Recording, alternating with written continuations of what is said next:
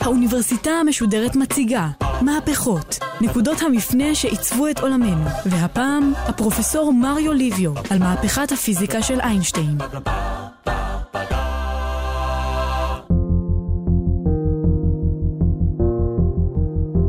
היום אנחנו נעסוק בעוד מהפכה מדעית, אחת המהפכות המדעיות הגדולות אה, בפיזיקה של המאה ה-20, מהפכה שנוצרה על ידי תורת היחסות. בעיקר הכללית, תורת היחסות הכללית של איינשטיין, אבל אה, מהפכה שהתחילה עוד עם תורת היחסות הפרטית. מה הסיפור של המהפכה הזאת? אחד הדברים הכי בסיסיים שאנחנו מרגישים כבני אדם זה הנושא של מרחב והנושא של זמן. אה, המרחב זה כל מה שאנחנו רואים מסביבנו, אנחנו מסתכלים על דברים ויש לנו תחושה של מרחב, והזמן, אה, לצערנו, אנחנו מרגישים שהוא כל הזמן עובר.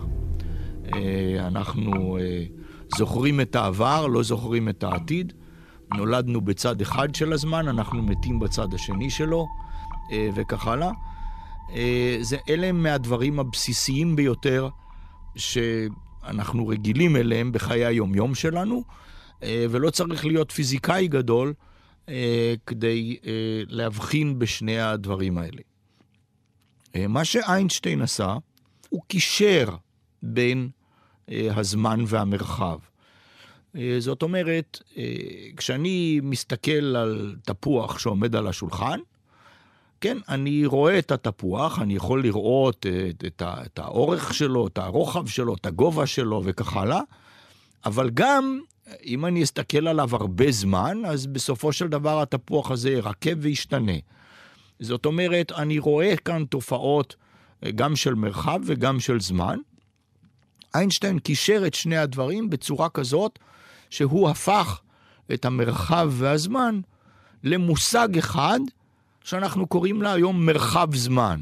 במקום לומר שיש לי מרחב של שלושה מימדים ויש לי מימד נוסף של זמן, אני מסתכל עכשיו על מרחב בעל ארבעה מימדים, שלושה מהם מימדי מרחב ואחד מהם מרחב זמן. אה, אבל איינשטיין פיתח תורה מתמטית שקישרה בין הדברים האלה והראתה בין השאר שמה שאנחנו חושבים בתור זמן, אה, הוא מושג שהוא הוא, הוא יחסי ותלוי בצופה. לדוגמה, ישנם חלקיקים תת-אטומיים, שאם החלקיק הזה נמצא במנוחה, אז אנחנו רואים שהוא חי נניח מיליונית שנייה, לפני שהוא מתפרק לחלקיקים אחרים. אבל מסתבר שאם החלקיק הזה נע במהירות, למשל, שהיא קרובה מאוד למהירות האור, אז פתאום אנחנו רואים שאותו החלקיק בעצם חי או מתקיים הרבה הרבה יותר זמן, זמן הרבה יותר ארוך לפני שהוא מתפרק. זאת אומרת, החלקיק הזה, אם אתם רוצים, מזדקן בצורה הרבה יותר איטית כאשר הוא נע מהר. אחת התוצאות של הדברים האלה, שמאוד ידועה, נקראת פרדוקס התאומים, שקשורה לנושא הזה, והיא אומרת למשל, מה קורה אם נניח ישנם שני תאומים, ואחד מהם נגיד נשאר על פני כדור הארץ, והשני יוצא לאיזה מסע בחלל, אה, שבו הוא נע במהירויות הקרובות למהירות האור, ונניח שהתאום הזה חוזר, אחרי זמן שהוא מונה אותו כשנתיים. התאום הזה שנע בחלל, הוא מדד את הזמן והוא חזר לכדור הארץ בדיוק אחרי שנתיים. הוא בשנתיים יותר מבוגר. אה, מה שהוא יגלה הוא שבזמן שאצלו עברו רק שנתיים, אצל זה שנשאר מאחור על פני כדור הארץ, יכול להיות שעבר זמן הרבה הרבה יותר גדול, בגלל זה שאצלו, שהוא נע במהירויות קרובות למהירות האור, הזמן עבר הרבה יותר לאט. זאת אומרת, פתאום שני התאומים לא יהיו באותו גיל.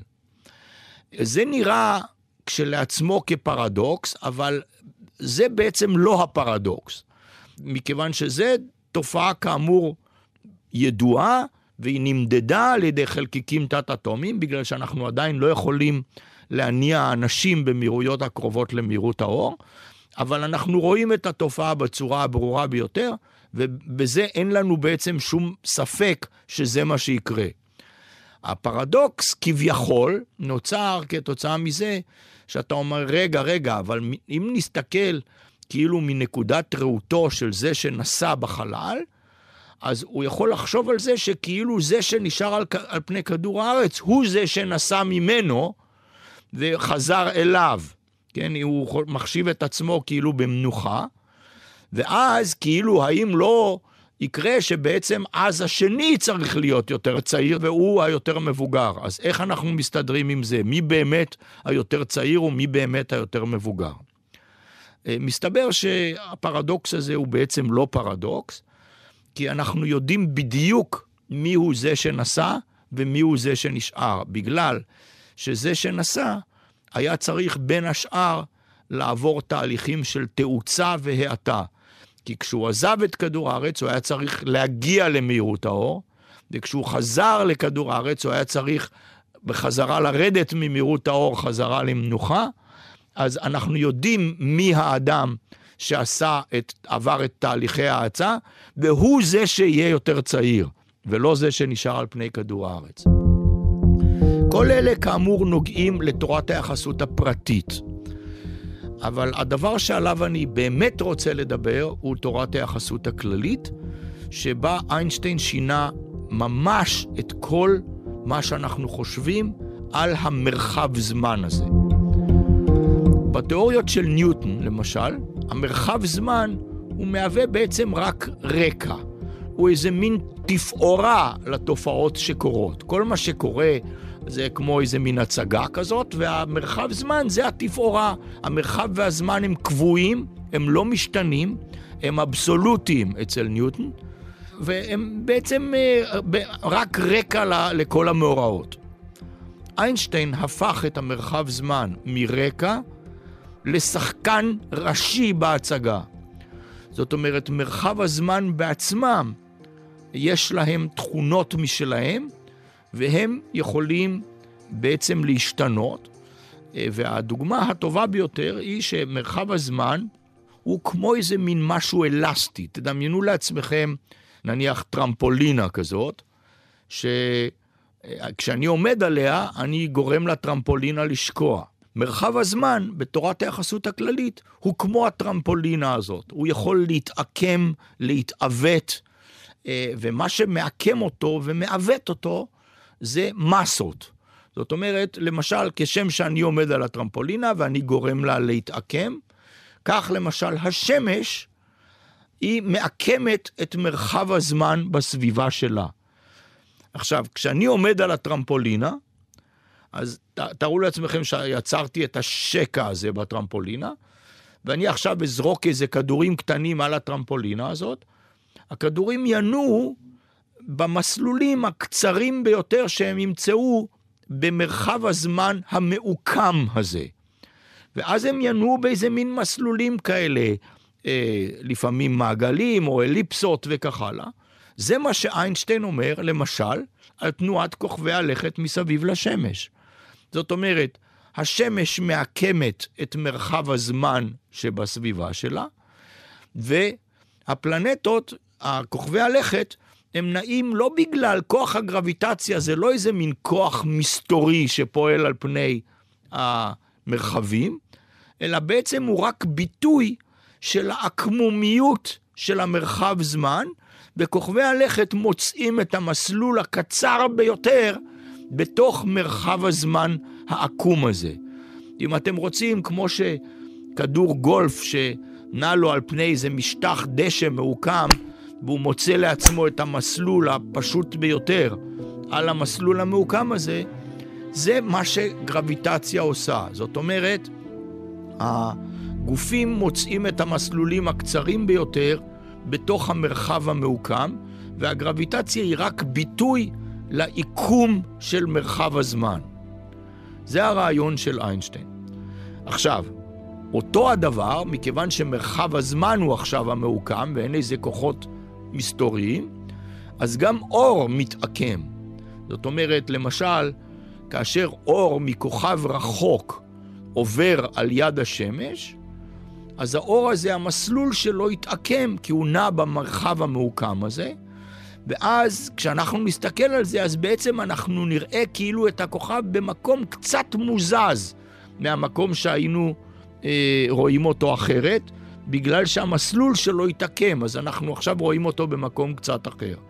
וזאת תופעה שבסופו של דבר אישרה את תורת היחסות הכללית של איינשטיין, כאשר אה, בזמן ליקוי חמה ב-1919 נמדד העיקום הזה באור כוכבים שניתן היה אה, למדוד אותו.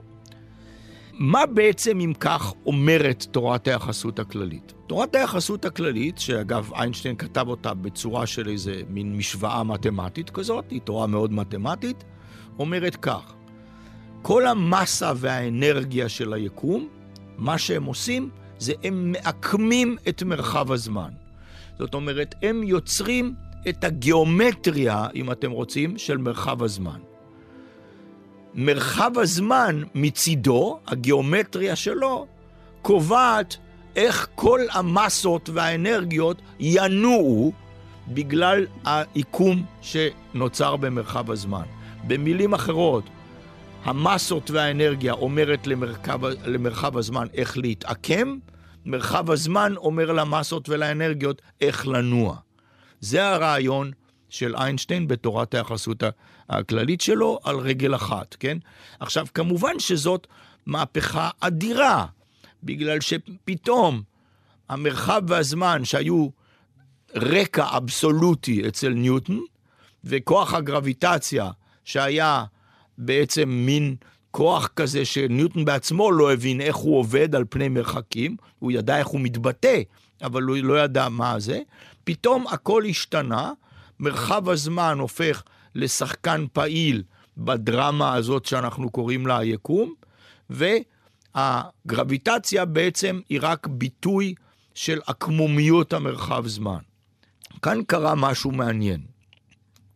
אחרי שאיינשטיין פרסם את התורה שלו, אגב, ב-2015 אנחנו חוגגים 100 שנה לפרסום תורת היחסות הכללית, שהתפרסמה ב-1915, אה, וב-1917, שנתיים מאוחר יותר, רצה להפעיל אותה ליקום בכללותו. אבל פה היה, הייתה איזו בעיה. אה, אגב, צריך להזכיר, שב-1917 בכלל עוד לא ידעו על קיומן של גלקסיות אחרות מעבר לגלקסיית שביל החלב שבה אנחנו נמצאים. אה, רק ידעו שיש כוכבים כל מיני, אבל לא ידעו שיש גלקסיות אחרות. עכשיו, איינשטיין חשב שהיקום הוא סטטי, בשיווי משקל ולא זז. זאת אומרת שכל הכוכבים, לא כוכבי הלכת, כוכבי הלכת נעים מסביב לשמשות שלהם, אבל שהכוכבים בגדול הם קבועים. כי הוא ראה בזה איזשהו יופי, בזה שהיקום צריך להיות סטטי ובשיווי משקל. אבל אז הוא אמר, אבל רגע אחד, איך היקום הזה יכול להיות סטטי ובשיווי משקל? הרי כל דבר מושך כל דבר אחר, אז אם כל עצם מושך כל דבר אחר, אז היקום הזה היה צריך לקרוס בעצם אה, לנקודה אחת, ולא להישאר סטטי ובשיווי משקל. אז הוא דאג מזה מאוד, ואז לאותן המשוואות המפורסמות של תורת היחסות הכללית, הוא הכניס איבר נוסף, שהוא כולל את משהו שאנחנו קוראים לו היום הקבוע הקוסמולוגי, והאיבר הנוסף הזה, בכל נקודה במרחב, הפעיל כוח דחייה שבדיוק איזן את כוח המשיכה של הגרביטציה באותה נקודה, כדי ליצור שיהיה מצב של שיווי משקל של כל העצמים ביקום, כן? אם נניח אתה מוצא שכוכב זה היה צריך לפעול עליו כוח משיכה כזה וכזה בגלל הגרביטציה של כל העצמים האחרים, הוא הפעיל בדיוק כוח דחייה שיאזן אותו במקום. עכשיו, מסתבר אגב שהרעיון הזה לא היה רעיון כל כך טוב למטרה הזאת, כי אמנם הוא יצר שיווי משקל, אבל זה היה שיווי משקל לא יציב. זאת אומרת, מהסוג שכמו שאתה מנסה לאזן עיפרון על החוד שלו. אבל בסך הכל הוא היה מרוצה מהרעיון הזה, היה לו רעיון להוסיף את הקבוע הקוסמולוגי הזה, עם כוח הדחייה הזה, וזה בדיוק איזן לו את היקום, והוא היה מאוד מרוצה. מה שקרה אז, בסוף שנות ה-20, קוסמולוג אחר בשם ז'ורג' למטר, בלגי, ואדווין האבל, שעל שמו קרוי אגב הטלסקופ שבשבילו אני עובד, כן, טלסקופ החלל האבל, אה, גילו שהיקום שלנו הוא לא סטטי, הוא לא בשיווי משקל, אלא הוא מתפשט. זה התגלה בסוף שנות ה-20. היקום שלנו מתפשט והולך. אה, איך זה התגלה, אגב? אה, אדווין האבל הסתכל על גלקסיות רחוקות וגילה שכל גלקסיה רחוקה שהוא הסתכל עליה מתרחקת מאיתנו. זאת אומרת, כמו אם היית מסתכל על נקודות מצוירות על שפה של בלון, לא משנה על איזה נקודה אתה נמצא, אם הבלון הזה יתפשט, אז מכל נקודה שלא תהיה, אתה תראה את כל הנקודות האחרות מתרחקות ממך. זה מה שאדווין האבל גילה. ואז הוא גילה שהיקום שלנו מתפשט, וז'ורג' למטר גם כן אפילו שם את זה בקונטקסט של התיאוריה של איינשטיין של היחסות הכללית. כשאיינשטיין שמע שהיקום מתפשט, הוא אמר, רגע אחד, אם היקום אמנם מתפשט, אז אין לי צורך בכוח הדחייה הזה שיאזן את הכל, בגלל שכל מה שהגרביטציה תעשה, היא פשוט תאיט את ההתפשטות של היקום. כשם שכאשר, שאם אני לוקח את המפתחות שלי מהכיס ואני זורק אותם למעלה, הגרביטציה של כדור הארץ פשוט מאיטה את התנועה של המפתחות. אז איינשטיין אמר, כל מה שגרביטציה תעשה, תאיט את ההתפשטות של היקום. זה הכל. אני לא צריך שיווי משקל. אז הוא התחרט על זה שהוא הכניס את האיבר ההוא עם הקבוע הקוסמולוגי לתוך המשוואות שלו, והוא הוציא אותו מהמשוואות. הוציא אותו ממשוואות והתחרט על זה שהוא הכניס. יש אגב ויכוח מסוים שאני דן בו בספר שגיאות גאוניות, האם הוא קרא לזה גם השגיאה הגדולה ביותר שעשיתי בימי חיי. זאת אומרת, כי כולם מספרים את הסיפור הזה שהוא, לא רק שהוא הוציא את האיבר מהמשוואות, אלא אמר, הכנסת האיבר הזה הייתה השגיאה הכי גדולה שעשיתי בימי חיי. אני מגיע למסקנה שכנראה לא ישתמש בלשון הזאת, אבל בכל זאת אין שום ספק שהוא אמנם מתחרט. אבל בשנת 1998, לפני לא כל כך הרבה זמן, שתי קבוצות של אסטרונומים שעבדו באופן עצמאי, כל אחת מהן גילתה שלא זו בלבד שהיקום שלנו מתפשט, אלא שהתפשטות היקום מאיצה והולכת. לא רק שהתפשטות היקום איננה מואטת, אלא היא מאיצה והולכת. תארו לעצמכם שאני הייתי זורק את המפתחות שלי למעלה, ולא רק שהמפתחות לא היו מאיטים וחוזרים לי ליד, אלא המפתחות היו ממשיכים להאיץ. מהירות גדלה והולכת. זה מה שגילינו ב-1998. עכשיו, בשביל שהיקום יאיץ, צריך להיות משהו שדוחף אותו להאיץ, בגלל שהגרביטציה עדיין מנסה להאיט את ההתפשטות של היקום. אתם יודעים מה הוא הדבר שגורם להתפשטות של היקום להאיץ וללכת? עד כמה שאנחנו יכולים לומר היום, זה בדיוק אותו האיבר עם הקבוע הקוסמולוגי שאיינשטיין הוציא מהמשוואות שלו.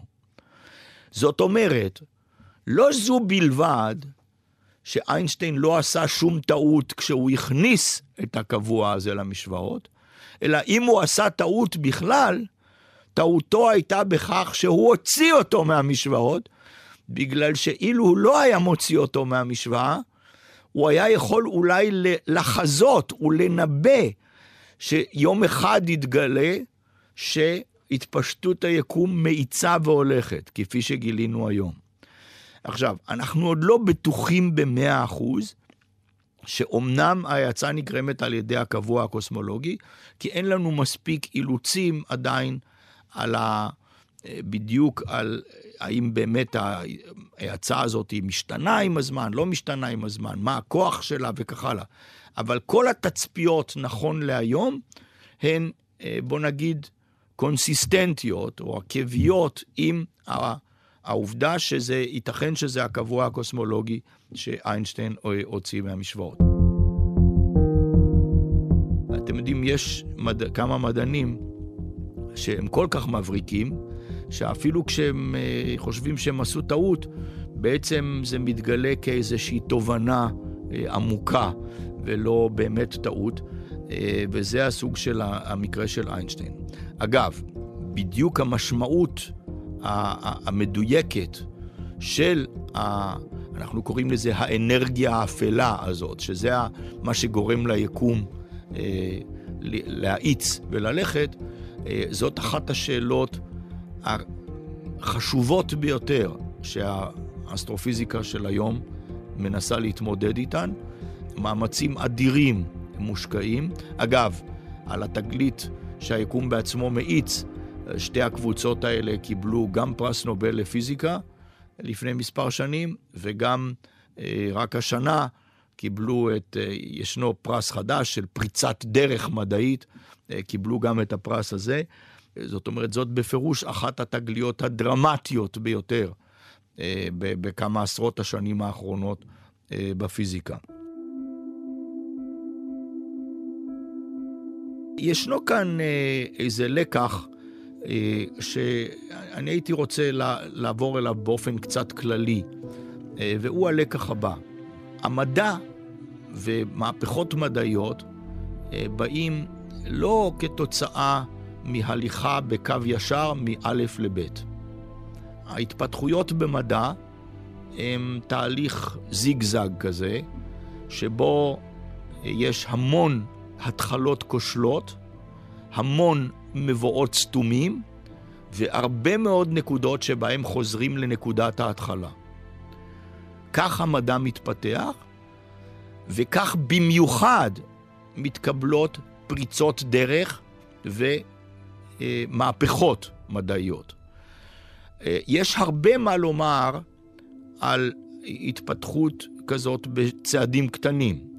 בדרך כלל זה מה שקורה, וההתפתחות הזאת היא טובה. בצעדים מאוד מאוד קטנים, ככה עקב בצד אגודל וכך הלאה. אבל פריצות דרך משמעותיות לפעמים מתקבלות דווקא מאותם הניסיונות היותר נועזים. סיכונים מחושבים הם אלה שיכולים להוביל לפעמים למהפכה.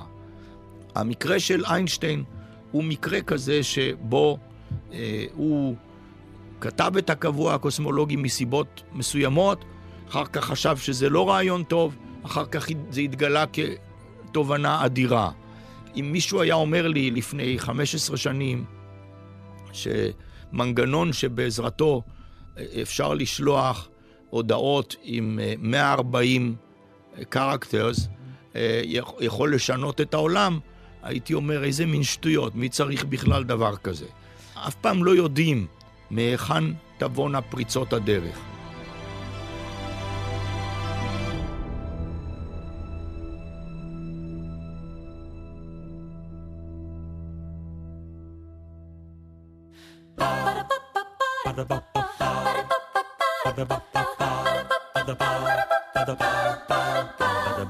האוניברסיטה המשודרת, מהפכות.